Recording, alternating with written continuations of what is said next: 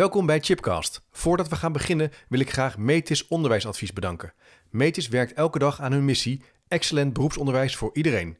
Kijk voor tal van inspiratie, praktijkvoorbeelden en praktische tools voor docenten en onderwijsleiders in het beroepsonderwijs op www.metis-onderwijsadvies.nl. Welkom bij Chipcast. Leuk dat je luistert naar een nieuwe aflevering. Chipcast is een wekelijkse podcast over onderwijs. Alles over didactiek, pedagogiek, leren, samenwerken, innoveren, onderzoek, onderwijskundig leiderschap en soms een uitstapje naar de filosofie.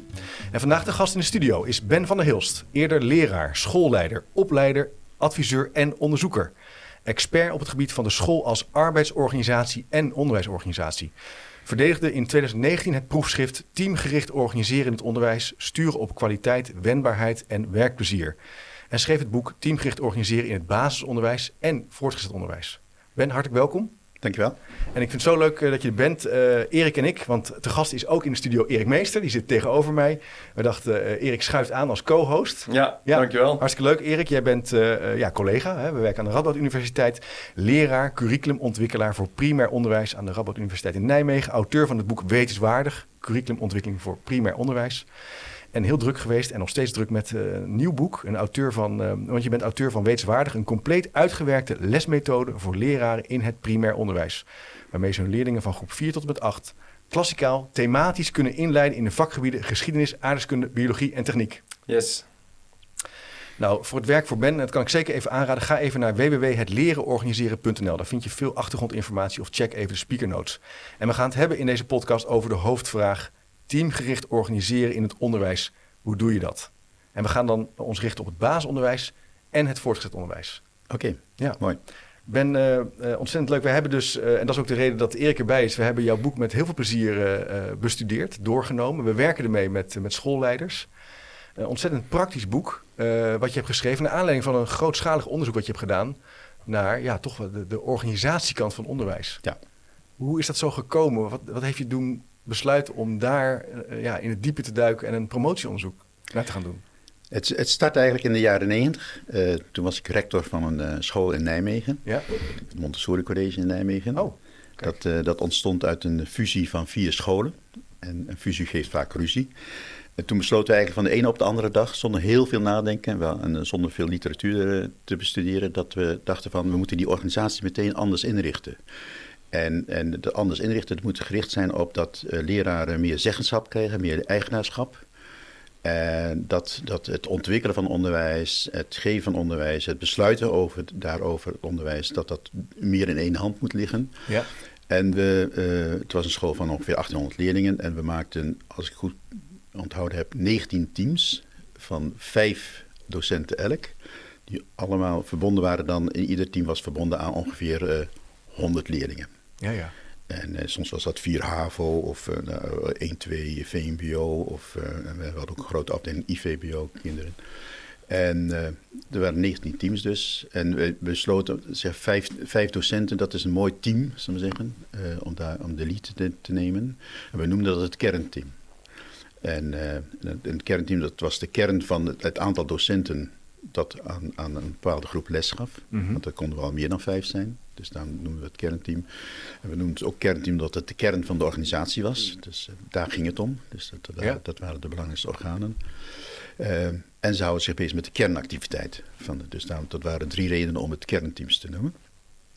En, uh, en, en we, we, dachten, ja, wat, wat, mogen die teams dan allemaal? En dus daar hadden we eerst een lijst van gemaakt van, van 35 punten die die teams moesten gaan doen net voordat, een half uur voordat we de vergadering ingingen waarin de, de, de 19 teams bij elkaar zaten, zou maar zeggen, en, en de oprichtingsvergadering ja.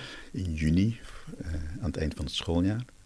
Toen bedachten we van dit, dit, is, dit is iets, nou doen we iets mis, want we gaan dus teams met opzalen met een hoop verantwoordelijkheden en dan gaan wij dus zeggen van wat dat dan inhoudt. Ja. Dus nu ja. hebben we op de uh, op de, nou ja, meteen besloten van we moeten een heel ruim bevoegdheidskader maken. Uh, die teams mogen in feite alles doen wat ze willen.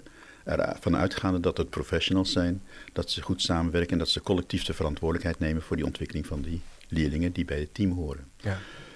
En dus hadden we vijf punten opgeschreven. En eigenlijk zijn dat de vijf punten die we nog steeds, uh, na 30 jaar nog steeds hanteren. Eigenlijk een heel ruim bevoegdheidskader.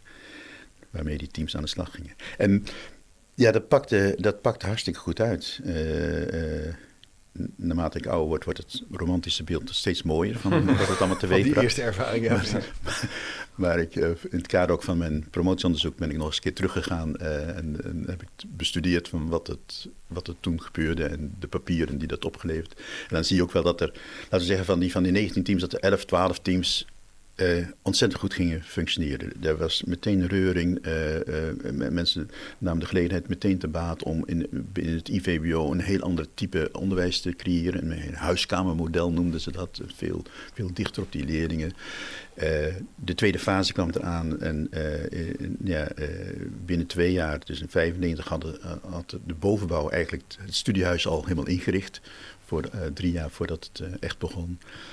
je zag dus allemaal initiatieven van bij, En waar, waar, waar, waar, lag dat dan aan? Wat maakte dat dat lukte? Omdat zij, uh, ja, ze, die zeggenschap die deed. Dus, dus die, die leraren kwamen bij elkaar. En, en ze, ik, ik had altijd al gewild dat er veel meer uh, zelfregie bij leerlingen zou moeten komen. En nou, nou, hoe gaan we dat doen ja. met elkaar? Ze hadden ook invloed, ze konden ook besluiten nemen. Ja, en, en, en, en, en niet die stroperigheid van er moet eerst een, een commissie en een, en, een werkgroep. En dan nog, nog eens gaat de MR eroverheen en, en de schoolleiding. En dit moeten we met z'n allen doen. Dus dat was ook een heel belangrijk punt van dat, je, dat, dat standaardisatie is, is, is het coördinatiemechanisme in het onderwijs. En, dat verlieten we in feite, want uh, het hoefde niet allemaal hetzelfde. Nee, het moest juist niet hetzelfde zijn, want IVBO-leerlingen, LWO-leerlingen is tegenwoordig genoemd, die, die, moet je anders benaderen dan uh, VWO-leerlingen. Dus de, de standaardisatie, die normaal in het onderwijs ook verhindert dat we maatwerk kunnen doen, die lieten we los. En dus, dus uh, mensen de boven HVWO die konden, konden bedenken, wat, hoe zouden wij dat eigenaarschap van die leerlingen kunnen verhogen. Dus je denkt na over het organiseren en structureren van, van het werk en het onderwijs. En ja. waardoor eigenlijk teams meer ruimte ervaren en voelen ja. om stappen en besluiten te nemen. Ja. Maar Erik, ja? Ja, want uh, kijk, uh, ik ben wel benieuwd van uh, waaraan, waaraan mat je dat eigenlijk af? Hè? Dus je, het klinkt als een succesverhaal en het klinkt ook heel goed. En wat zijn nou indicatoren waarvan jij zegt, ja, daardoor zie ik dat het een succes was toen? Nou, een, een paar dingen. Zeggen, op leerlingniveau, op resultaatniveau zie je dus dat er, dat er de resultaten gingen omhoog. En, en, het kan eigenlijk niet meer gebeuren dat een leerling zou zakken, zeggen, want dan, dan, dan, dan ligt dat team wakker. En dat, ging gebeuren, dat was niet van de een op de andere dag. Dat heeft ook nog wel wat tijd gekost voordat die, dat moeilijke begrip collectieve verantwoordelijkheid echt uh, handen en voeten kreeg. Maar dan zie je dus dat er, dat er uh, uh, waar vroeger een één mentor zich druk maakte om die leerling die dreigt uit te vallen, dat er nu een, een team is. wat met elkaar nadenkt over van wat, wat gaan we doen, wat gaan we nu doen. En, en niet, niet wachten tot een of andere bespreking ergens over drie maanden en dan uh, dan een, een, maatregel neemt, maar meteen ingrijpt van, ja, wij zijn er verantwoordelijk voor. Dus wij, hoe, hoe krijgen we, houden we Jantje binnen? Dus op leerlingenniveau zagen we dat, dat, dat de resultaten. En wat zagen we ook dat het, dat het veel plezier gaf bij, uh, bij, bij, bij, bij mensen. Ja, het welbevinden van de leraren ook. Ja, dat, ja. dat, dat.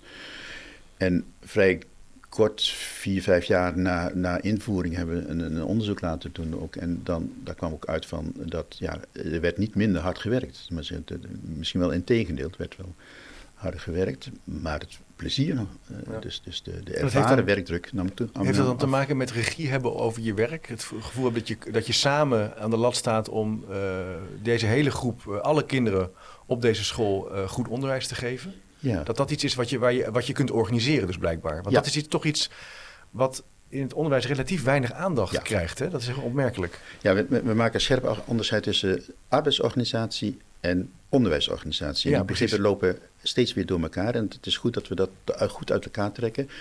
De onderwijsorganisatie gaat alles wat je organiseert om leerlingen te laten leren. Er zit ook de didactiek en het pedagogisch-didactisch optreden van de, -hmm. van, de, van de leraar in.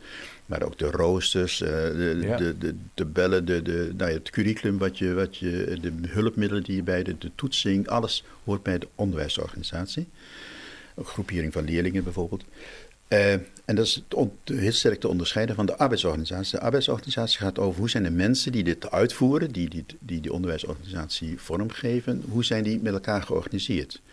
Zijn er werkgroepen? Is er een directeur? Zijn er adjuncten? Uh, en, en dan de verdeling van die verantwoordelijkheden daarin. En welke systemen hanteren we dan? Ja. Om, als, als personeelsbeleid hebben we dan om, om dat te laten lopen. Welke ICT-systemen? Dus heel dat geheel, dat noemen we de arbeidsorganisatie. Dus de arbeidsorganisatie is de voorbereide omgeving voor de leraar, leraren om hun werk te doen. En de onderwijsorganisatie is de voorbereide omgeving van leerlingen om te leren. Ja. Dus die, die twee halen we heel sterk uit elkaar. En Eh, uit wat- elkaar, ja, maar er is, en er is relatief weinig aandacht Ja. voor de, de, de samenhang, zou Ja. je kunnen zeggen. En dus die arbeidsorganisatie. ja, dus die arbeidsorganisatie, ik, dat, dat was mijn frustratie. En je- je- vroeg, hoe kom je nou om, om daar ja, een promotieonderzoek te doen? Ja. Dat, dat heeft te maken dat, eh, dat ik ook merkte van, hey, dit heeft zo, de manier waarop de school georganiseerd heeft, heeft zoveel impact op het professioneel handelen van de leraar. Ja. Ja, dat, dat is dus een hele belangrijke factor. Dus, en en eh, toen zag ik ook dat in de opleiding van, leer, van, van, van zowel leraren als, als ook van schoolleiders, dat dat helemaal geen plaats heeft. Dus de inrichting daarvan. Het, het proefschrift voor mijn proefschrift over de, eh, over de arbeidsorganisatie is van Ernst Marx in 1975. Maar tussen 1975 en 2019 eh, is er heel weinig onderzoek gedaan naar, naar de organisatiestructuur. Ja. En dus het verbaasde mij telkens weer. En toen, ik, toen dacht ik van ook in het, in het wetenschappelijk discours ontbreekt het, de, de arbeidsorganisatie. Je zou als- ook een beetje de bedrijfskundige kant, Erik, en de aansturingskant. Ja, ja. Ja, dus ik ben wel benieuwd. Hè? Ik heb daar natuurlijk al, zelf ook al een idee over. Maar wat is jouw verklaring daarvoor? Dus waarom is daar eigenlijk zo weinig aandacht voor in het onderwijs? Nou, omdat eh, eh, mensen gaan, in, in, in- in, eh, mensen gaan in, in, in- in het onderwijs werken niet om na te denken over de arbeidsorganisatie. Dus die, Nee. die, die zijn sterk gericht op, de, op, de, eh, op de, eh, het onderwijs geven.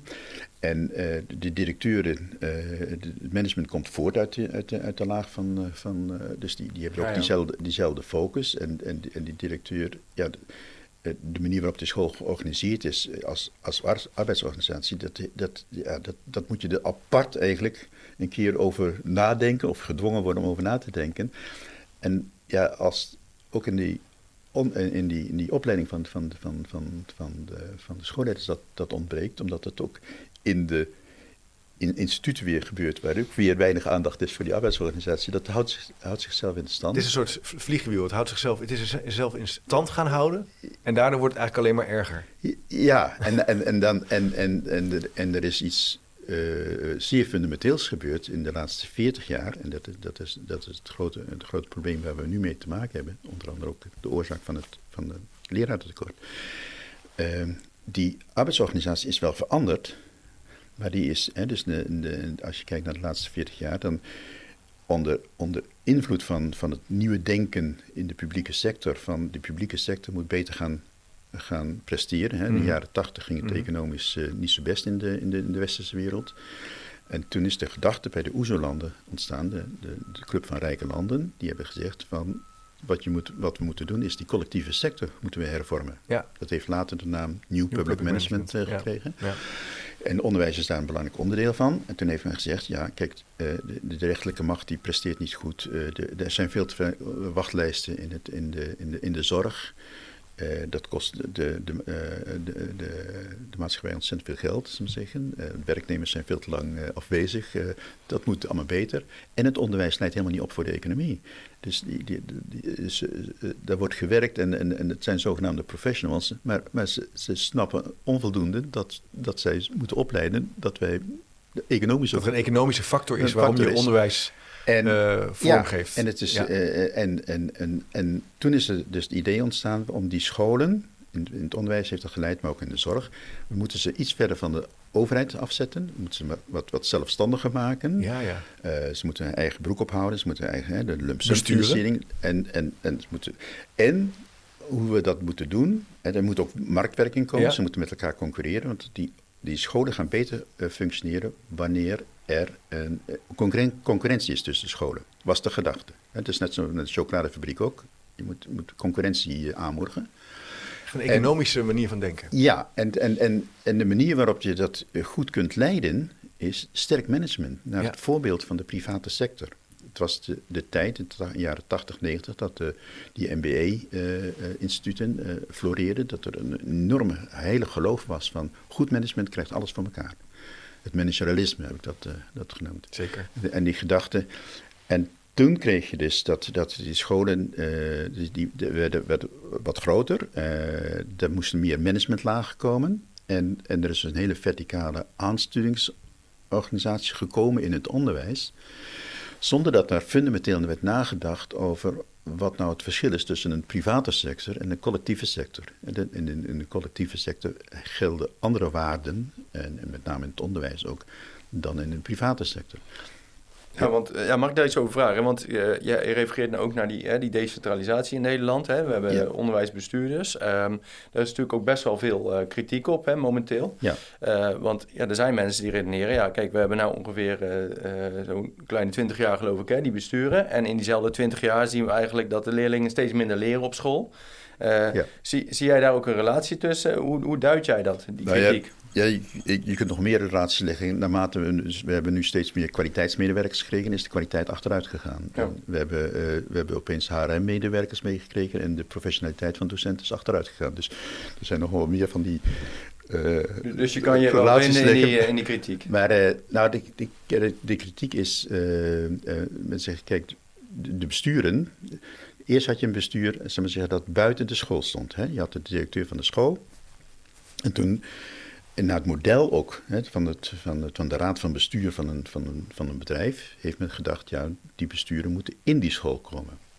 En dat heeft een paar effecten gehad. Ten eerste kwam er een managementlaag bij. In feite, hè. Dus die, uh, en dat is een, een van de, van, de, van de kwalijke effecten die het heeft, bijvoorbeeld, is dat het nu, als je het PO kijkt, je hebt een bestuurder boven je. En dat betekent dat een aantal verantwoordelijkheden van je worden weggenomen. En dat werkt nu ook, uh, die inspectie zegt, die, ik spreek de besturen aan op de kwaliteit van, van, van, van, de, van, van, van, de resultaten. En die bestuurder die wordt daar zenuwachtig van en die denkt, ja, dan moet ik dus harder sturen naar mijn, naar mijn directeuren toe. Dus ik ga harder roepen van, uh, ik, ja, ik ga moet wat doen. managementcontracten Ja. afsluiten Ja. En, en, en, en, en, en, ik ga nog eens een, nog Doelen een- formuleren. doelen formuleren en ik ga nog een sterke strategisch beleidsplan en een koersplan bepalen. En en, hijsessies.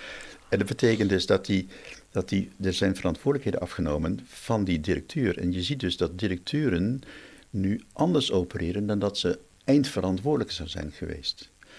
En je kunt wel de bestuurder aanspreken op hun verantwoordelijkheid voor, maar die zit met de handen in het haar. Van hoe krijg ik nou, ik geef zelf geen les, ik ga zelf de klas niet in.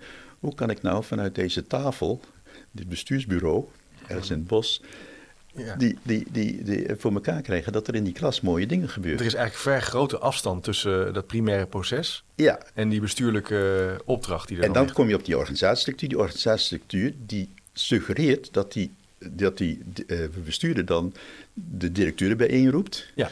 Zegt, jullie moeten het rekenonderwijs eh, in de onderbouw we zeggen, sterk gaan verbeteren. Want die, de- dus, die, dus het model is dan, en dan gaat die directeur die gaat dan naar de bouwcoördinatoren toe, of weet ik veel, en die zegt, jullie moeten het rekenonderwijs. En die bouwcoördinatoren gaan dan naar de, naar de, naar de, naar de leraren toe en die zeggen, jullie moeten het rekenonderwijs.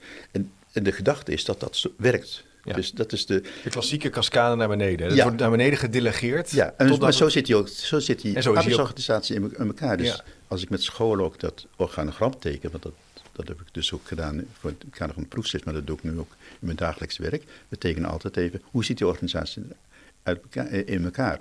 En dat, die arbeidsorganisatie die suggereert dus dat er bovenin hard wordt nagedacht en gestuurd. Het besturingsapparaat in scholen is gigantisch toegenomen. Maar de uitvoeringsstructuur is hetzelfde gebleven al die jaren. Dus dat is nog steeds die meestal individueel opere- eh, opererende leraar in de in klas. klas. Dus een mismatch eigenlijk tussen Ja. structuur en, en eigenlijk uitvoering. Ja, en dit suggereert dus dat die, dat die, dat die uitvoerder, die leraar, uitvoerder is van elders bedacht beleid. Ja. En zo is het ook. En dat is natuurlijk inspectie. En dat is ja, dus dat helemaal punt. niet. Maar een leerkracht eh, is natuurlijk ook een opgeleide professional die ook autonome afwegingen maakt in die klas. Dus daar zit ook, daar zit ook wel weer een spanning. Daar zit een enorme spanning. Een enorme spanning en, tussen. En, en, en, en, en eh, eh, daar moeten we echt mee ophouden. Dat we, dat we de leraar zien als een uitvoerder van elders bedacht beleid. Want Ja. het is een professional. Maar hij wordt. Dus de grote ambivalentie, of ik, ik, een van mijn ambiguïteiten heb ik dat Ambiguïteit, genoemd. precies, daar gaan we het ook nog over hebben. Van, zeker. van dat dat leraar, bestuurders en scholen zeggen... ja, nee, natuurlijk zijn, zijn mijn leraren zijn professionals... Maar dan blijkt in de praktijk dat ze gewoon een normjaartaak meekrijgen, Ja. een werkbriefje. Dus wij zeggen, u bent een professional Erik, je mag het allemaal zelf bepalen, eh, ruimte. Ja, ja. En in, de, in die arbeidsorganisatie sturen we eigenlijk op een vrij klassieke manier. Ja, dus, dus ben ik wel benieuwd. Hè? Dus een beetje, een beetje radicaal. Hè? Maar je hebt bijvoorbeeld ehm, eh, eh, iemand zoals eh, Don van Haperen, hè? die schrijft hier ook eh, veel Ja. over. Die zegt, nou, weet je wat, die is van het standpunt van creatieve destructie. Hè? Die zegt, nou, weet je wat, het werkt. En die, eigenlijk, volgens mij, constateert hij in ieder geval op hoofdlijn dezelfde dingen als jij.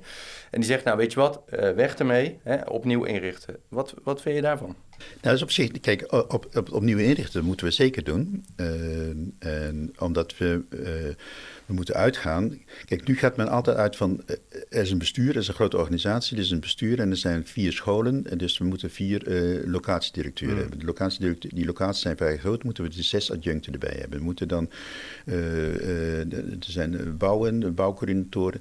Zo bouwt men een organisatie op. Vanuit, zeg, ik moet greep hebben, vanuit...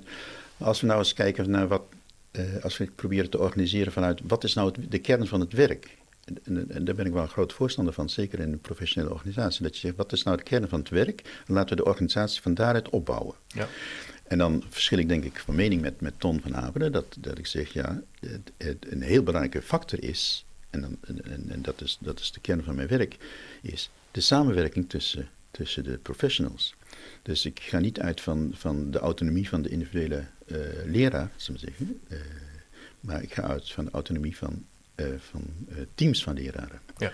Gewoon vanuit het idee van wat is, hoe, hoe, zit onderwijs in elkaar? Eh, leer- leerlingen komen een tijd lang naar school, dat zijn in het PO of in het VO, maken een bepaalde ontwikkeling door en we hebben een aantal experts nodig, volwassenen nodig, om die ontwikkeling vorm te geven.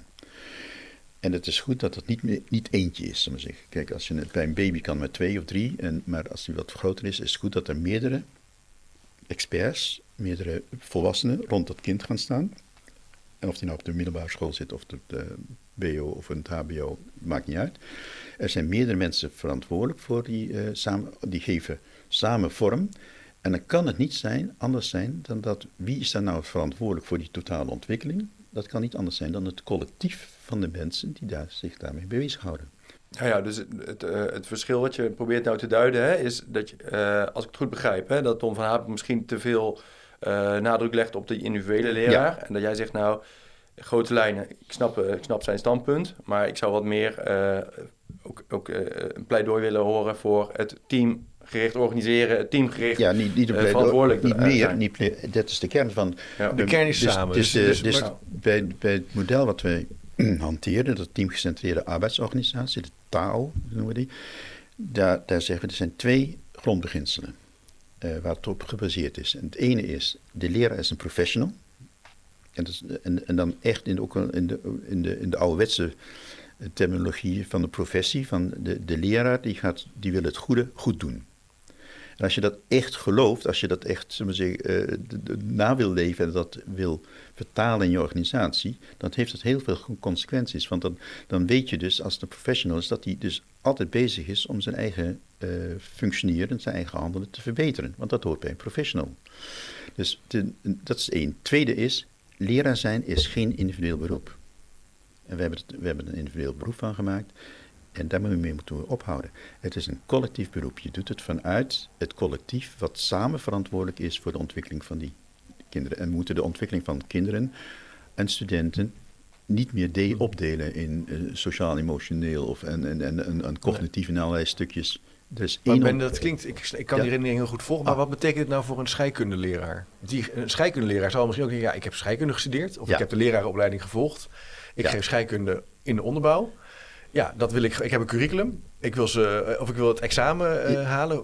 Ja, ik heb niet zoveel te maken met geschiedenis. Hè? Dus, eh, Sociaal-emotioneel. Sociaal, ja, dat, ik hou Ja. er mee bezig, maar ik ben heel streng. Of Ja, ik, dan- ben, ik heb een hele fijne pedagogische Ja. stijl en die past er goed bij mij. Ja, Nou dan, vul dan moet, je eerst nog uitleggen van jouw vak is scheikunde, maar jouw beroep is leraar. Dus daar moeten we even dat, dat, Mooi, ja. dat, eh, Mm. dat, dat onderscheid Ja. maken. Je beroep leren. En dus jij, je, jij draagt bij aan de ontwikkeling van, eh, van, leerling, eh, van, van een leerling. En een leerling is een ondeelbaar iets. Dus je kunt, eh, er, zijn, er zitten veel facetten aan de ontwikkeling. Ja. Jij draagt bij aan een van die facetten. En het is fantastisch dat jij heel goed bent in, in, in scheikunde. En de, maar jij, we hebben met, met z'n allen met die leren- leerling te maken. En die leerling ontwikkelt zich cognitief, sociaal, emotioneel, zullen we zeggen. En dat gaan we niet opdelen.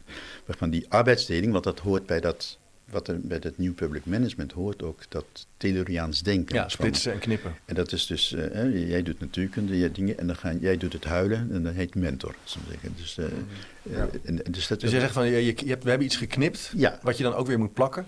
Ja, en dat is nu bijvoorbeeld in het, in ieder geval in het primair onderwijs weet ik dat er heel veel uh, werkgroepen zijn. Hè? Dus we hebben een werkgroep uh, instructie en we hebben een werkgroep ja. sociaal-emotioneel. Wat, wat vind je daarvan? Ja, dat is, dat is vreselijk. Is dat. dat is, kijk, de, de, dat wordt gedaan ook dat, dat men wel ziet dat samenwerking wel, wel belangrijk is. Maar het rare is dat dat, dat zijn samenwerkingsverbanden rond thema's. En ik pleit ervoor rond vlees en bloed uh, oh. te maken. Dus te zeggen van de keer de activiteit is het, uh, de, het, het opleiden, het, het, de ontwikkeling van de leerling, die staat centraal. Ja. En, en, niet het rekenonderwijs. Dat zijn allemaal middelen. Dus we, onze primaire uh, samenwerking zit rond die leerling. Dus we verzamelen ons rond die leerling. En dan, dan is het goed dat we dat in het basisonderwijs niet opknippen in zeven stukjes, die ontwikkeling. Maar zeggen, kijk, uh, uh, die leerling, laten we zeggen, laten we drie ontwikkelingsfasen in, dat, in, die, in, in het primair onderwijs onderscheiden. Je kunt er ook twee. Dat, dat hangt af van, van je pedagogisch-didactische opvattingen, onderwijskundige opvattingen. Maar wat wij vaak tegenkomen is dat je zegt, nou, groep 1 tot en met 3, dat is die taalontwikkeling heel centraal. Groep uh, eh, 4 tot en met 6, dat is die latente fase, zal ik zeggen. Van, nee, uh, meer uh, de, de, zaakvakken die dan een belangrijke rol gaan spelen.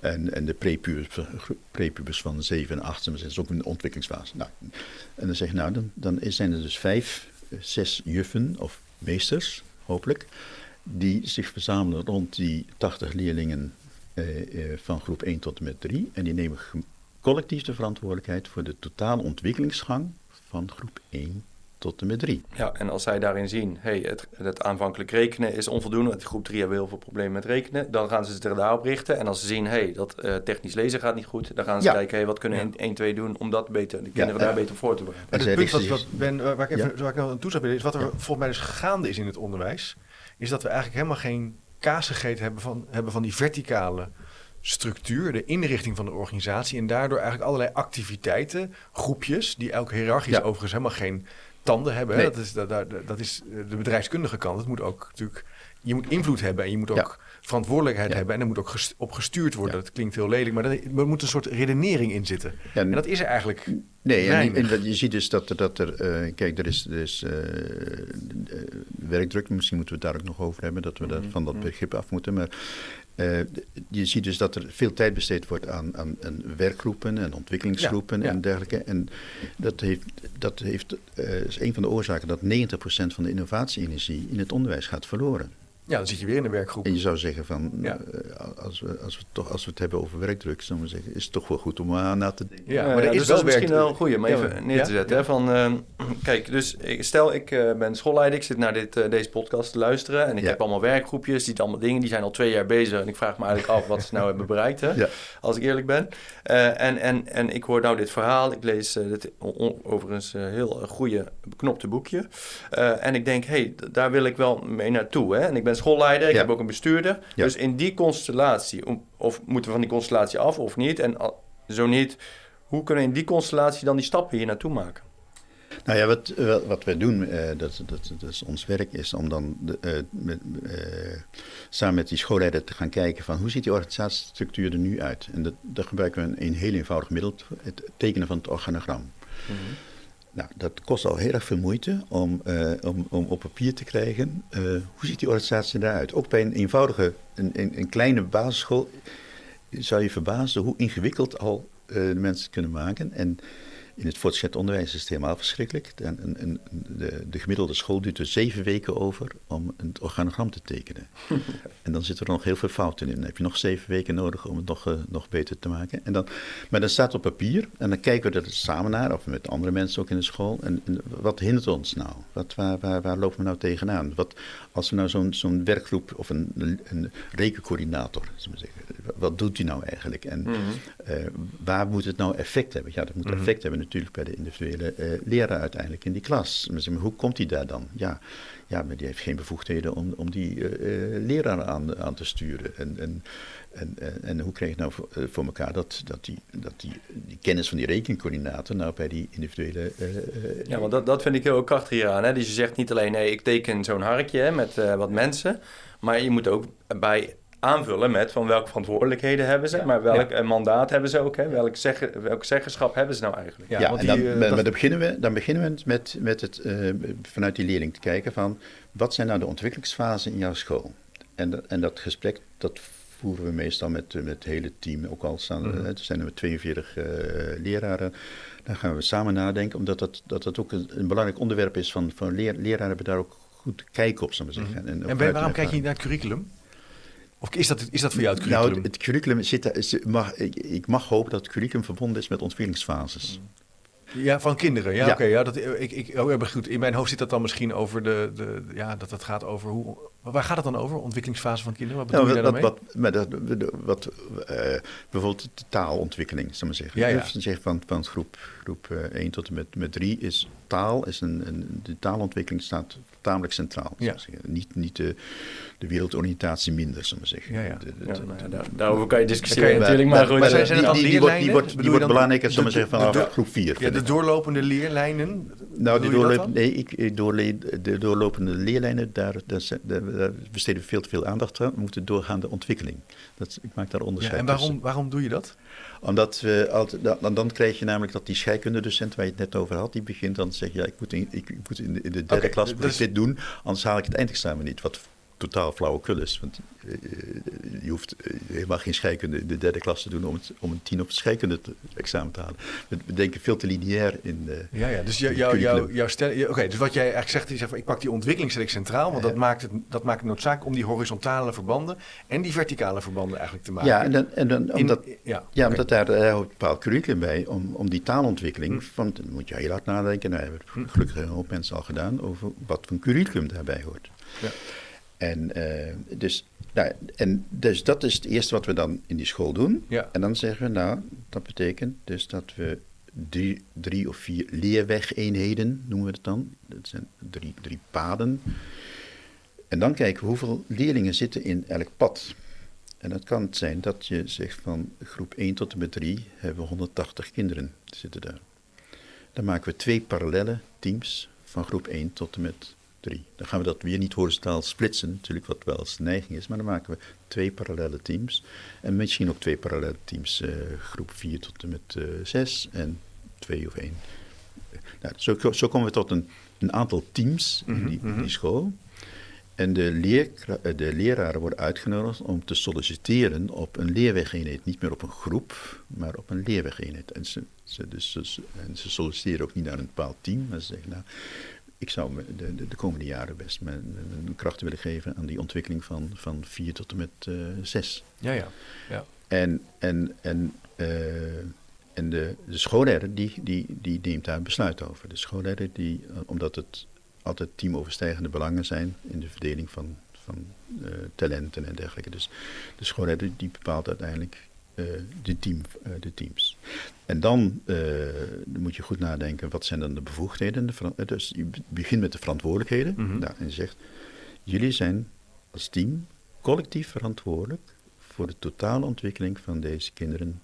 Je, je, je neemt die kinderen op uit groep 3 en ja. je brengt ze briljant in groep 7. Ja, maar dat is toch wel een doorgaande... Want ja. wat ik wel op ja. zou willen doorgaan is... want heel veel teams zeggen... wij zijn samen verantwoordelijk voor de kwaliteit ja, van het onderwijs. Ja, dus wie, of wij voelen ons verantwoordelijk. We voelen ons. en helemaal wij zijn PLG. En, ja, nee, maar, nee, maar er gaat heel wat, er gaat heel wat mis in die praktijk... waarin, ik, waarin leer, uh, soms leerkrachten verschrikkelijke dingen zeggen... van ja, ik, heb, ik lever ze af... Uh, hartstikke goed. En dan uh, is er een dip in groep 3. Ja, daar heb ik niks mee te maken. Nee, hè? Zo ja. Dat soort dingen. Hoe, hoe, maar hoe, hoe kan je dat dan voorkomen in je structuur? Nou, in de, door, door, door, door het begrip collectief verantwoordelijkheid. Dat, en dat moet gaan leven. Ja, dat moet je gaan laden. En hoe laat je dat dan? Collectief verantwoordelijkheid betekent dat ieder lid van het team... Uh, aanspreekbaar is op alle resultaten van alle leerlingen die bij het team horen. Okay. Dus ik kan okay. niet meer zeggen, ik ben, uh, soms kom ik tegen dat iemand al 14 jaar uh, groep, uh, juf van groep 4 is. Dat kan, ja. En, en, en, en zich eigenlijk niet bemoeit met wat er in groep 3 gebeurt. Hooguit daar soms gefrustreerd over kan zijn. En niet eh, niet, en niet zich bemoeit met hoe dat met de vijf verder gaat. Dus, dus nee, zorg nou dat, die, dat die, je bent verantwoordelijk voor de totale ontwikkeling gedurende die drie jaar. Je volgt die leerling. Er komen elke keer weer nieuwe leerlingen uit groep 3 naar uh, jullie team toe. En uh, verdwijnt een, een, een, aantal leerlingen weer naar ja, dus het volgende team toe. afstemming zijn tussen bijvoorbeeld groep 2 en groep, groep 1, 2 en groep 3. Of uh, tussen 1, 2, 1, 2, 3. Dus, dus één, je zegt dat 1, dus, 1, 2, 3 is één ontwikkelingsfase of ja. groep uh, of HAVO. Nee, maar dat is waar. Maar, ben, maar ze zitten natuurlijk wel, die leerkracht zit wel de hele dag, misschien de hele week in groep 1, 2 les te geven. Nee, dat hoeft of niet. Of zeg je dat ook van... Nee, we, okay, we okay. zeggen... Hoe zie je dat dan? We zeggen hoe die onderwijsorganisatie eruit ziet. Dat is dat vers 2. Dat bepaalt het onderwijsteam. Het onderwijsteam is eigenaar van de onderwijsorganisatie. Of zij dus die muren laten staan, zeg maar zeggen, en ieder een eigen klas uh, dat, dat, dat, dat, is, een tweede, niet, dat, is, dat is vers 2. Vers, vers okay, okay, okay. Dus we richten ons, uh, want die dingen lopen heel vaak door elkaar. We zeggen, wacht even, die onderwijsorganisatie zetten we eventjes apart. We gaan het ons nu uh, over de arbeidsorganisatie. En de arbeidsorganisatie die zegt van, er is een groep deskundigen nodig, experts nodig, om de totale ontwikkeling van groep 1 tot en met 3 of van brugklas tot en met uh, derde klas HVWO vorm te geven. Ja. En, uh, en dan gaan zij nadenken hoe ze dat doen. En, okay. en je ziet dan een veilige, de veilige modus is dan dat, dat ze het eerst doen zoals ze het ja, hebben gedaan. Ja, ja, ja. Stel dat dat gebeurt. Ja. ja, en dan zeg je, nou ja, en dan, dan zeg je van in dat, in dat team zeggen, er is minimaal één iemand opgeleid tot proces. Uh, dus het team heeft geen teamleider. Dat is ook uh, belangrijk in de taal. Is dat, er, dat het, zo'n team heeft geen teamleider of bouwcoördinator. Die schaffen we af. Oké. Okay. De teamleiders in het voortgezet onderwijs moeten we ook afschaffen. Die, dat team, dat zijn vijf professionals bij elkaar. Die hebben geen leider nodig om hen te leiden. Want zij kunnen zichzelf heel goed leiden. Het is een zelfsturend team. Nou ja, die term uh, die gebruik ik liever niet, omdat sommige mensen krijgen daar pukkeltjes van. Of die hebben daar uh, hele... Er is geen manager. Rare...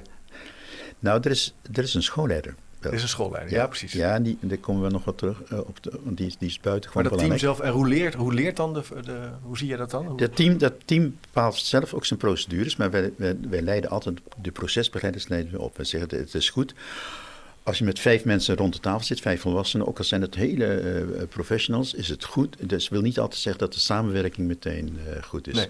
Dat de groei naar teamvolwassenheid, we onderscheiden dan die linksma-termen fase 1 tot met 4 hè, ja. van, de, van, van teamvolwassenheid.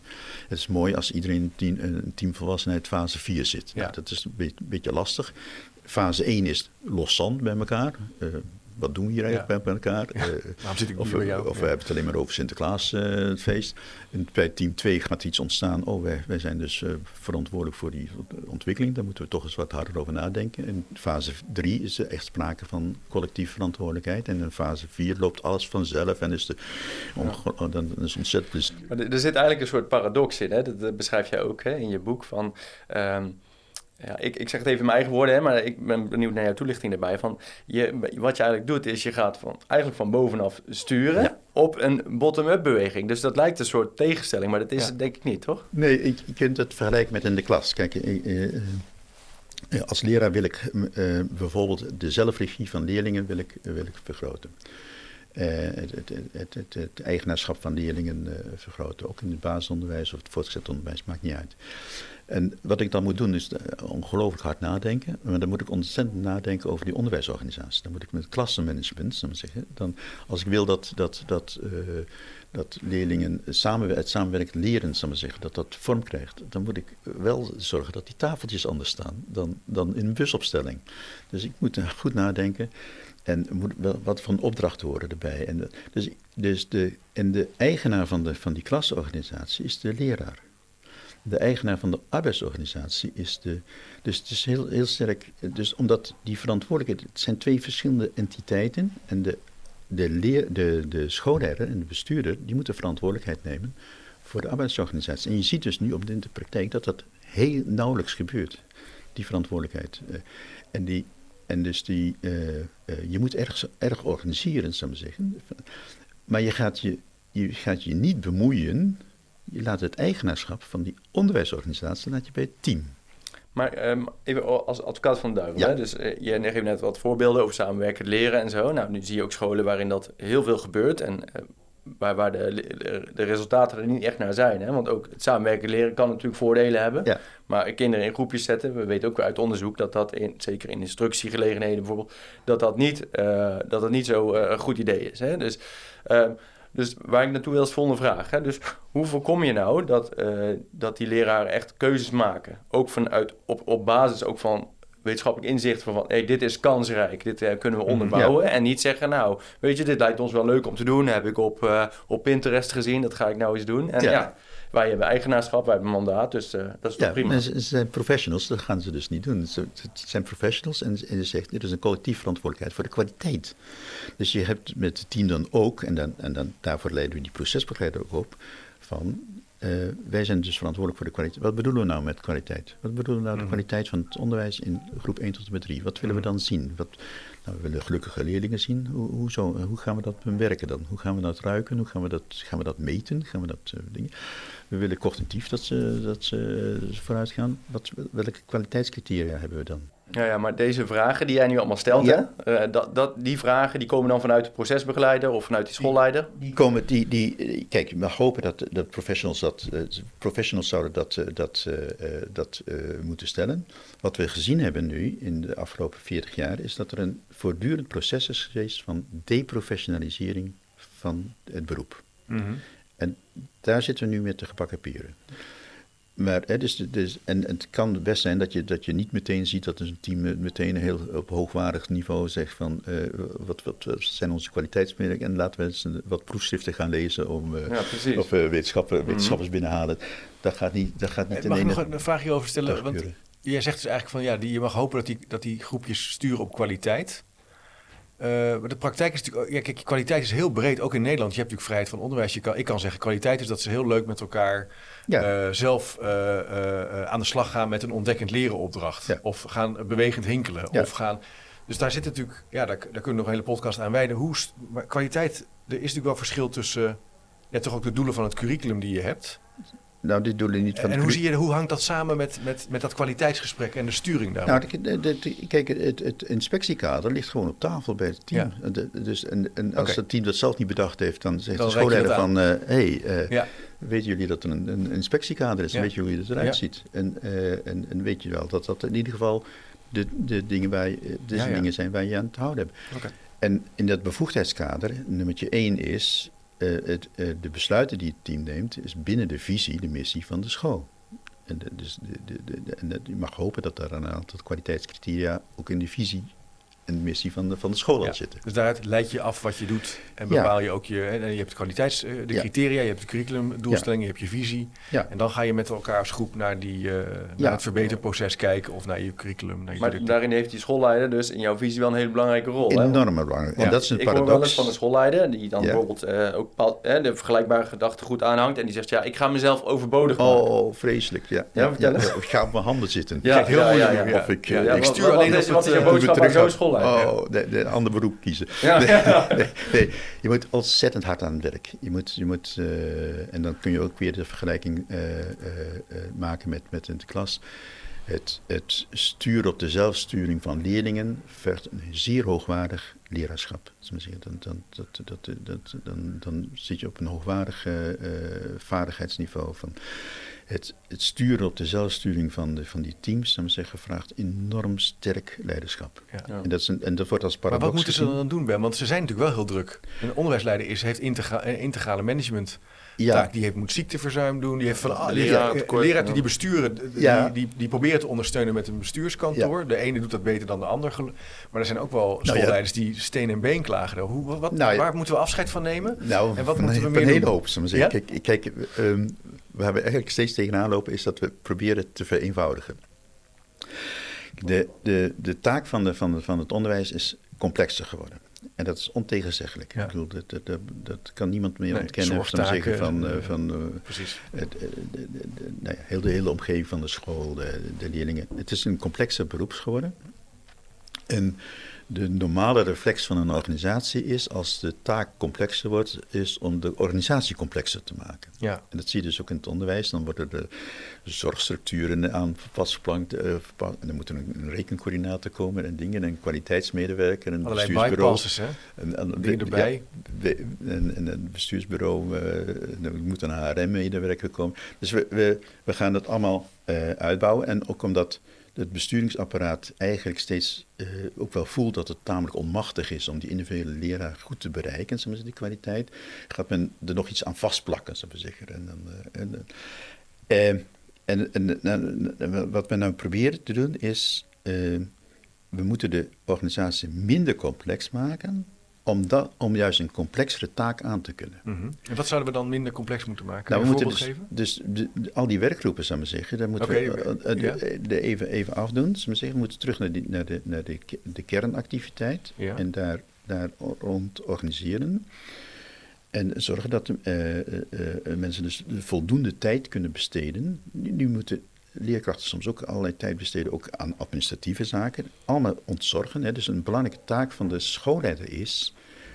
Uh, we vatten dat soms samen in tien verschillende O's, zullen we zeggen. Van de, we moeten uh, onder andere ontzorgen. Dus je moet continu nadenken: hoe kan ik helpen ja. uh, om in systemen, om wat dan ook, of procedures, weg te nemen bij, die, bij de teams, zodat ze zich kunnen richten op die leerlingen. Dus terug naar de kern van de essentie van ja. de opdracht, van de, het impact ja, die je wil maken. Dus, want en de rest eigenlijk zoveel mogelijk ontzorgen. afschaffen, ja. elimineren. Mm -hmm. Ja. ja. En, en um, uh, ja, je kent waarschijnlijk ook wel de uitspraak van Uncle Ben hè, van Spider-Man. With great uh, power comes great responsibility. Hè? Dus uh, de beweging die hieronder zit is heel veel zeggenschap in die teams. Ik bedoel, ik geloof daar ook van harte in, hè? dus begrijp me niet verkeerd.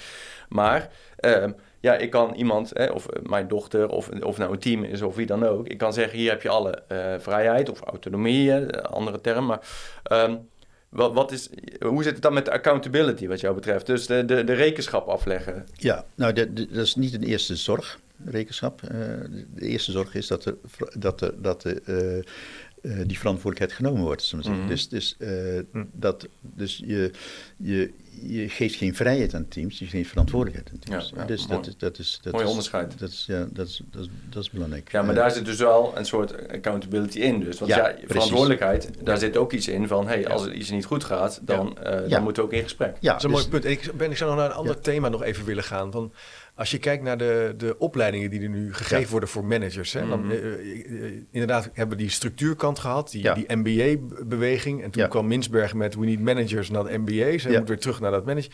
Als je nu kijkt naar heel veel opleidingen, leiderschap, gaat allemaal over cultuurverandering, inspirationeel, persoonlijk, persoonlijk jezelf ontdekken. heel antroposofisch en zo. Hè? En dat, dat vertaalt zich ook, ja, want dat vertaalt zich ook door, even mijn gedachten afmaken, vertaalt zich ook door in die veranderprogramma's. In die, in, dat gaat heel veel over hoe, pas op, we moeten niet de structuur veranderen. Het begint bij die cultuur. Ja, nou, Daar zijn we ook echt gaan geloven. Hoe, zie, hoe kijk jij daar nou, nou naar? Dat, ben ik ook echt benieuwd dat zeg, ik zeg tamelijk hard. Het is flauwekul, die cultuurdiscussie. Uh, ik ben er zelf ook mee opgegroeid natuurlijk in de ja. 70, 80 jaar, de cultuur. Nu zeg ik, het gaat helemaal niet om cultuur, het gaat om structuur.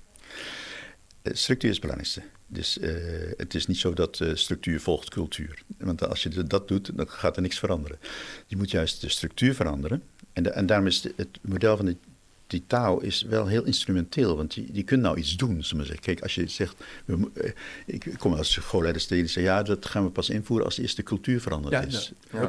Ja. En, dan, en dan zeg je, wat ga je dan doen? En ga je dan bidden? Want uh, misschien is dat de enige manier om, om het voor elkaar te krijgen, als je een goede geloof hebt, om dat voor elkaar te krijgen. Want wat ga je dan doen aan cultuur?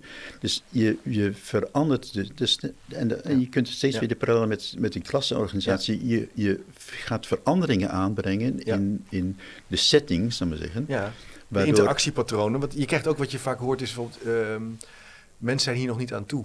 Ja, ja dus, dus en jij zegt ja. eigenlijk nee, je moet bij die structuur beginnen. Je moet ja. het gaan tekenen, je moet het expliciteren. Ja. En je moet die arbeidsorganisatie en onderwijsorganisatie in beeld gaan brengen. En dan ga je puzzelen en ga je bouwen. Maar je moet echt, dat, dus dat harkje, wat toch heel lang wordt grappig over gedaan, het harkje veranderen. Ja, doen niet een harkje. Dat zou je alleen maar horen waarschijnlijk als ze jou uitnodigen. Zeg je nee, ja, nou, want al die scholen zijn, die zijn nou ja, ik heb 150 scholen uh, in het HBO MBO, VO en, en PO uh, het harkje laten tekenen. Het is altijd, altijd mogelijk. Je kunt daarom dus een heel, heel eenvoudig en goed instrument.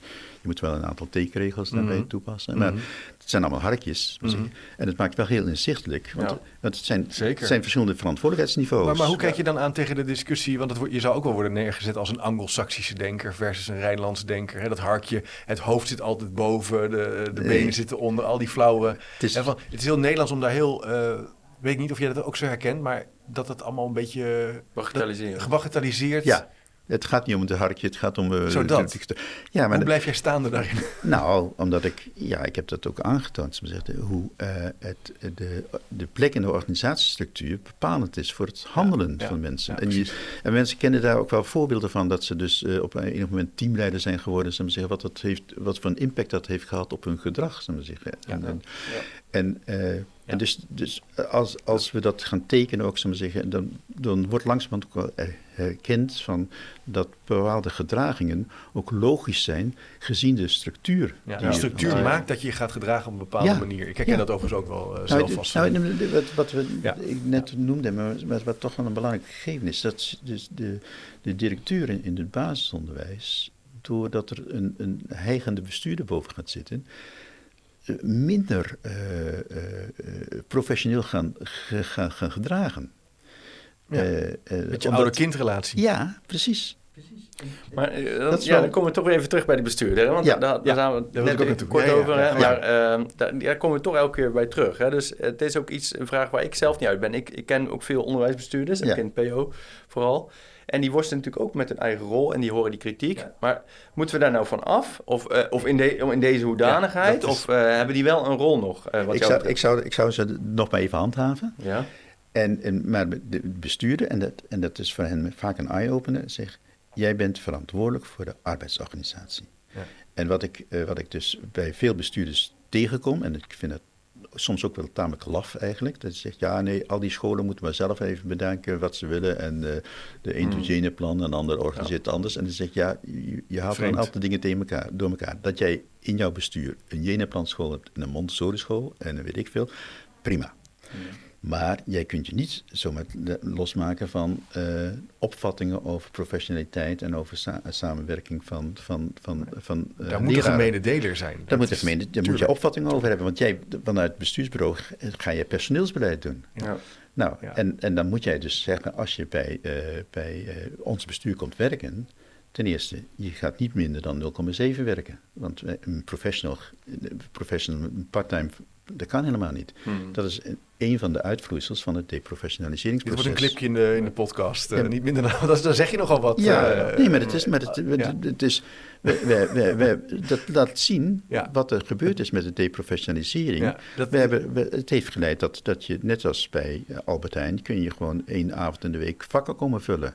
Zo zien kijken we ook tegen het onderwijs aan. Dat je kan kunt, niet. Nee, dat kan helemaal niet. Een, een, een, eh, een, chirurg kan niet zeggen... Ja, die, die, een chirurg moet niet meer dan vijf, eh, vier dagen werken, vind ik. Maar, maar die moet niet twee dagen... Die kan niet twee dagen chirurg zijn. Dat kan dus jij zegt, die, als je minder dan twee dagen werkt... dan, dan wordt het, dat professionele samenspel heel ingewikkeld. 0,6. 0,7 vind ik, 0,7 vind ik de grens. 0,7 vind ik de grens. Omdat je dan... Kijk, die, die, leerlingen zijn de hele week op school. Uh, je collega's zijn op school. Ja. En omdat we omdat we uh, die professionaliteit hebben uitgekleed van die, mm van die docent, hebben mhm. kunnen zeggen van, ja, kom maar drie uur Frans geven en, en, en fiets maar weer weg. Oh. dat is, ja, dat, dat is ook omdat er niemand was, dan zijn we het ook maar gaan doen. Dat, dat heeft enorme invloed op de kwaliteit. Ik ben nog een andere vraag, en we vuren ze allemaal op je af, maar tot nu toe uh, is het uh, heel geanimeerd, dus we gaan lekker door die bestuurders zijn ook los van de CEO uh, eh, geplaatst, hè, dat meen ik. Hè? Dus die zitten niet in hetzelfde onderwijs uh, CEO. Wat vind je daarvan? Ja, dat is, dat is, dat is de, nou ja, de, uh, ik moet wel eens om lachen. De, de, kinder, de kinderachtigheid, zou maar zeggen, van bestuurders ook om een eigen beroep, zou maar zeggen, dan, te, te, te, definiëren. Ik vind dat, dat ze horen gewoon tot die, tot die collectieve sector met dezelfde CEO's. En, ja. en dus dat, is ook geldkwestie natuurlijk. Ja, het is ook een kwestie. Met... Maar, maar ik hoor je dus ook zeggen van, nou, de, deze structuur zoals die al is, hè, dus um, ik bedoel, daar kunnen intern wel wat wijzigingen, maar grofweg de rolverdeling tussen bestuur, schoolleider en dan uh, teams, uh, onderwijsteams daaronder. Dat is wel een structuur waarin het zou moeten kunnen allemaal. Het, het kan, op dit moment kan het. En, en, en, en omdat we, eh, ik zou er niet voor willen pleiten om nou die, die, die bestuurlijke. eh, Er zijn een aantal eh, dingen waar je vraagtekens bij kunt zetten. Maar nu zou ik wel. Nou, nu hou ik die bestuurders wel verantwoordelijk. En dat moeten we, dat moeten we zeer sterker gaan doen. Ja. Je bent verantwoordelijk voor de arbeidsorganisatie. Dat betekent ook de bovenschoolse organisatie. Er zijn nog steeds besturen die met 23 scholen. Zo- eh, eh, directeur rond de tafel gaan zitten eens in de maand. Ja, ja. En, en, en, ja, en, en totaal niet nadenken over wat dat, wat dat betekent. Of die gaan dan werkgroepen instellen boven school. Mm. De werkgroep personeelsbeleid, de werkgroep burgerschapskunde. Ja. Maar daar zit ook iets in, eh, Ben, van eh, wat ons ook denk ik in die hele managementwereld wordt aangepakt. Alles collectief, zet iedereen maar aan tafel. Het is belangrijk dat iedereen erbij is. Vaak zeggen schoolleiders en collega's ook, ik wil wel geïnformeerd worden. ja, ik ken schooldirecteuren die dit patroon proberen te doorbreken. Vaak leidt het tot enorme weerstand in het begin. Nee. Van, ik ben er niet meer bij ben, ik wil wel geïnformeerd Nee. worden. Nou ja, Nee, die, puntje, best- puntje, nee je bent er wel, die besturen die moeten zorgen dat er dus clusters komen. Ja. Dat je het, eh, precies hetzelfde doen als met die onderwijsteams. Ja. En Nee, maar het dat leidt wel tot weerstand. Dat, dat zou je Ja, dat eens- natuurlijk. ja, eh, Ja. Er zijn altijd de directeur die lekker mijn eigen schooltje, net zoals de, de juf van eh, groep 4 zegt, lekker mijn eigen groepje. zeggen. Daar moeten we, dat kan niet anders. Nee. Kijk, ehm, eh, er zijn nogal wat scholen die weglopen met HETI, eh, visible learning, leren zichtbaar maken. Mhm. Als ze die goed lezen, dan weten ze dat welke factor heeft de meeste impact op de kwaliteit van het onderwijs. Dat is collective teacher advocacy, Ja. zoals hij dat uitspreekt. Ja, en dat is eh, het, zeg maar, het collectieve vertrouwen Dat- in het het vertrouwen, kunnen. wij, wij, Wij doen kunnen- dit wij, samen. wij doen Ja. iets samen en Ja. wij kunnen. het. En dat heeft de meeste, meest, meer impact dan formatief Ja, handelen. 100%. Voor, veel, eh, dan, dan, dan, En wij zien ook, eh, ben ik, bedoel, Erik en ik be- bezoeken veel scholen eh, en spreken ontzettend veel schooldirecteuren. De scholen die, eh, die het heel goed doen, ook in uitdagende omgeving, laten dit ook zien. Hè. Die maken Ja. samen onderwijs. Ja. Het is ook tof om bij elkaar in de klas te Ja. kijken. Het is leuk om samen Ja. lessen voor te bereiden. Je doet het samen. Ja. Dus dat is dat punt natuurlijk ook voor de bovenschools, Ja, voor is- directeuren. ja. Ja, Die- Daar die- moet je eigenlijk hetzelfde doen. Precies hetzelfde. Je, moet dus, je, hebt, je hebt een aantal directeuren. Eh, het hoeft niet altijd hetzelfde te zijn als het aantal scholen. Maar met zich goed, vijf directeuren. Die zijn verantwoordelijk voor vijf scholen. Die eh, praten niet meer over mijn schooltje, maar over onze scholen. Dus Ja. die liggen wakker. Als er een, het kan niet voor zijn dat één school zwak wordt, zullen we zeggen. Want dan, dan, dan hebben ze met elkaar eh, al lang gekeken van wat gaan wij doen? Ja. Wat, gaan we met z'n vijven doen Ja. Ja. om dit voor elkaar te krijgen? Dan gaan we Helder. Helder. Ben, ik denk dat we gewoon eigenlijk nog een, eh, een tweede aflevering moeten maken. Want we zitten nu op een uur in de podcast. Oh, Oké. En ik denk dat we nog wel best wel uitgebreid kunnen praten over de ambiguïteit. Maar laten Ja, we ik even één, ook over allebei nog één vraag, eh Ja, Erik. Vind je oké. niet? We Ja, gaan nog even door. Dus Ja. hou vol, eh, beste luisteraar. Ja, ik had eh, nog één ding, want we hebben natuurlijk al even kort genoemd, maar als we daar denk ik niet op ingaan, dan is dat raar. Eh, werkdruk. Hè? Dus Ja. als je kijkt, Ja. laatst weer een nieuw onderzoek hè, met, met bekende resultaten. Maar de, de, waarom verlaten leraren het beroep? Ja. Hè? Dus 47% daarvan geeft daar al voor als hoofdreden werkdruk. Ja. Hè? En ook als ik met scholen begeleid die in deze kant op willen, dan is heel veel gehoord, ja, maar we hebben het zo druk en dan moet dit ook nog. ja. Wa- Wat is jouw, jouw, jouw, jouw antwoord daarop? Die Nou, je, je moet een aantal dingen dus niet meer gaan doen. Hè. Dus je, de, je, je, het aantal... dingen niet meer gaan doen? Dus het aantal werkgroepen, wat, wij noemen dat expertteams. Hè, dus je, je, je ontkomt er niet aan om af en toe wel een expertteam in te zetten. Maar daar moet je zeer voorzichtig mee zijn. Een exper- expertteam ontstaat wanneer er in de verschillende onderwijsteams de behoefte bestaat om op een, op een hoger niveau en een doorgaande leerlijnniveau, zal ik maar zeggen, Mhm. te, te denken over hoe gaan we nou burgerschapskunde of democratisch handelen van leerlingen, hoe gaan we dat nou versterken. Laten we dat niet in ieder onderwijsteam apart eh, die deskundigheid halen, maar laten we dan een clubje maken. Dan gaat er vanuit ieder onderwijsteam, stel dat je drie onderwijsteams hebt in de PO-school of eh, in in de onderbouw van het HVWO, dan gaan er de, de- een aantal mensen uit die onderwijsteams bij elkaar zitten, die vormen het expertteam. En die hebben dan of het mandaat om iets in te voeren, aan te schaffen, wat dan ook. Of ze hebben de opdracht om eh, hun expertise op het gebied van burgerschapskunde te verhogen en die terug te brengen in de onderwijsteams. Door die constructie maak je, eh, eh, ben je ook in ieder geval verzekerd dat, dat, dat de, de relatie tussen, eh, tussen de, het verhogen van de expertise en de uitvoering, dat die gekoppeld, dat die gekoppeld is. Mhm. Want die, die, dat expertteam heeft twee opdrachten. De expertise te verhogen op een bepaald onderwerp, rekenen, wat dan ook. En te dida- didactiseren in het eigen team.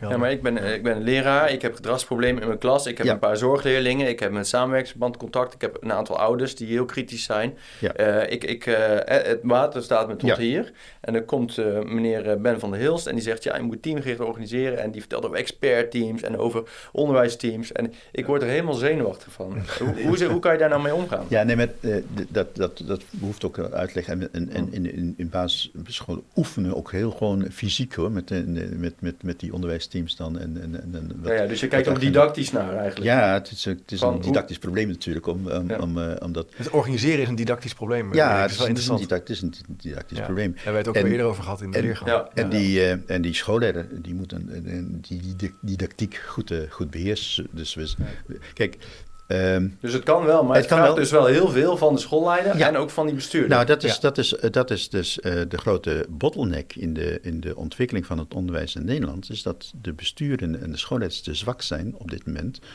om die kwaliteitsslag te dus maken. opleidingen beter. De opleiding moet veel beter en de, de verantwoordelijkheid. Nu gaan besturen, gaan, eh, de, besturen worden aangesproken door de inspectie van eh, het rekenonderwijs eh, in school. Madeliefje gaat, Mhm. gaat achteruit. Wat heb jij tegen hen gedaan? Hoe weet je dat? En ze moeten zeggen, hoe heb jij je arbeidsorganisatie ingericht? Maar nu is zo, die bestuurders die krijgen eigenlijk, eh, daar is geen opleiding voor. Hè? Dus je kan uit de zorg komen en dan kan je gewoon in het onderwijs beginnen ja, als bestuurder. Ja. Daar hoef je geen Ja. opleiding voor te hebben. Nee, toch? dus daar, moet- daar, daar moeten we dus heel hard aan werken. En de, en de VO-raad en de PO-raad moeten veel meer hun verantwoordelijkheid nemen. Ik, ik, ik bemerk te weinig gevoel van urgentie bij de sectorraden over het, leraar, het lerarentekort is het resultaat van 40 jaar deprofessionalisering. En slecht organiseren. En ja, dat is eigenlijk wat ik ook nu eh, naar voren. Want ik zou dan naar mijn laatste vraag willen gaan. En, eh, dus Nee, nogmaals- over die werkdruk wil ik nog wel even zeggen van, Ja? we moeten ophouden over werkdruk praten. Kijk, als je niet tegen werkdruk kunt, dan moet je niet in het onderwijs. Want eh, het onderwijs Ah, is... nee, nee, mm, het onderwijs je wel is... heel- Maar we moeten het woord werkdruk niet meer gebruiken. Er is, er is werkbelasting. Waar Ja. het om gaat is werkgeluk. Eh, Ja. En het werkgeluk, Nou, dat vind ik een mooie ont- toevoeging. en, en werkgeluk ontstaat wanneer de, de, de energiegevende eh Werkplezier activiteiten... overigens in je proefschrift noemde je het. Ja, hè? werkplezier. Ja, En ik heb gezien dat dat, dat, dat zo werkt. ja. Eh, het gaat dus niet om de, om de, eh, de, zeggen, de, de- ja, de vast te stellen eh, werkbelasting, we zeggen. Maar die, die moet gecompenseerd zijn door, eh, door energiegevende. Eh, Ja. Dus En- en dus- en dus en, met een- energiegevende, die moeten in, in, in balans zijn, zodat die energiegevende Ja. verder ervoor. En ik zie dat gebeuren wanneer dat, die teams gaan werken. Meestal niet in het eerste jaar, maar zeker na, na, na, na, na verloop van tijd zie ik gebeuren. En dat dat, dat werkelijk Ja. Dus even, even er doorheen, even volhouden moet- en dan ja, zul je ja, zien dat die ja. werkdruk afneemt. Er is, Ja. wel degelijk, er is wel degelijk sprake van werkdruk, denk ik. Maar dat kan je dus Ja. aanpakken met deze methodiek. Ja. Ik wilde misschien nog tot slot, hè. Eh, er wordt wel eens gesproken nu eh, over een deltaplan in het onderwijs. Ja. Daar heb je daar net al wat over gezegd. Maar als jij nou zou mogen zeggen van nou, te- teken, kan je eens vier, vijf eh, punten noemen waar je zegt, daar zou dat deltaplan echt over moeten gaan. Als wij in Nederland met elkaar het onderwijs beter willen maken. Want er is natuurlijk echt wel iets gaande wat... Er is zeer grote, Wat- wat- waar zeer grote ons- zorg. Want, ja, en- want die, die, die, eh, dat lerarentekort gaat alleen toenemen. Dus we zitten Ja, aan, kijk aan maar naar de vooravond. demografie. Hmm. Ja, Dus maar, kan je daar eens een aantal punten van... nou, dus, dus de eerste, eh, dat, dat thema van die arbeidsorganisatie Ja. losmaken, van die, eh, dat is een ongelooflijk Daar belangrijk. moeten we wat mee. Dat is één. De besturen verantwoordelijk houden, ook voor die, eh, voor die arbeidsorganisatie. Ja. Eh, zorgen dat die directeuren in het basisonderwijs niet meer in hun eentje, in eenzaamheid, dingen, dus dat we, dat we zeggen, de professionaliteit wordt gediend door, Ja. door het collectieve eh, karakter van het, van het beroep van schoolleider. Mooi. Mooi, ja. En we zeggen het collectief en we, en we, we zeggen in, voor, voor, eh, leraren betekent het ook, het is een collectief beroep en het zijn professionals en die gaan we ook als zodanig voortaan behandelen. Als je nu kijkt naar de CEO, zullen we zeggen, hè, dus die, die CEO, dat, dat is verschrikkelijk. In mijn tijd, maar dat is ver voor de oorlog, eh, eh, had je Welke 12, oorlog? 12 bladzijden nodig. Ja. En nu heb je 250 bladzijden nodig om het werk van een leraar te... Ja. wat geen enkele invloed heeft op de kwaliteit. De inspectie, moet, de inspectie moet, zaken. no- Ja. moet, moet veranderen. Die, moet, eh, die, die, Ja. die, die, eh, die is veel te laag eh, waardig werkt die op dit moment. Dat, dat, is, dat is echt verschrikkelijk.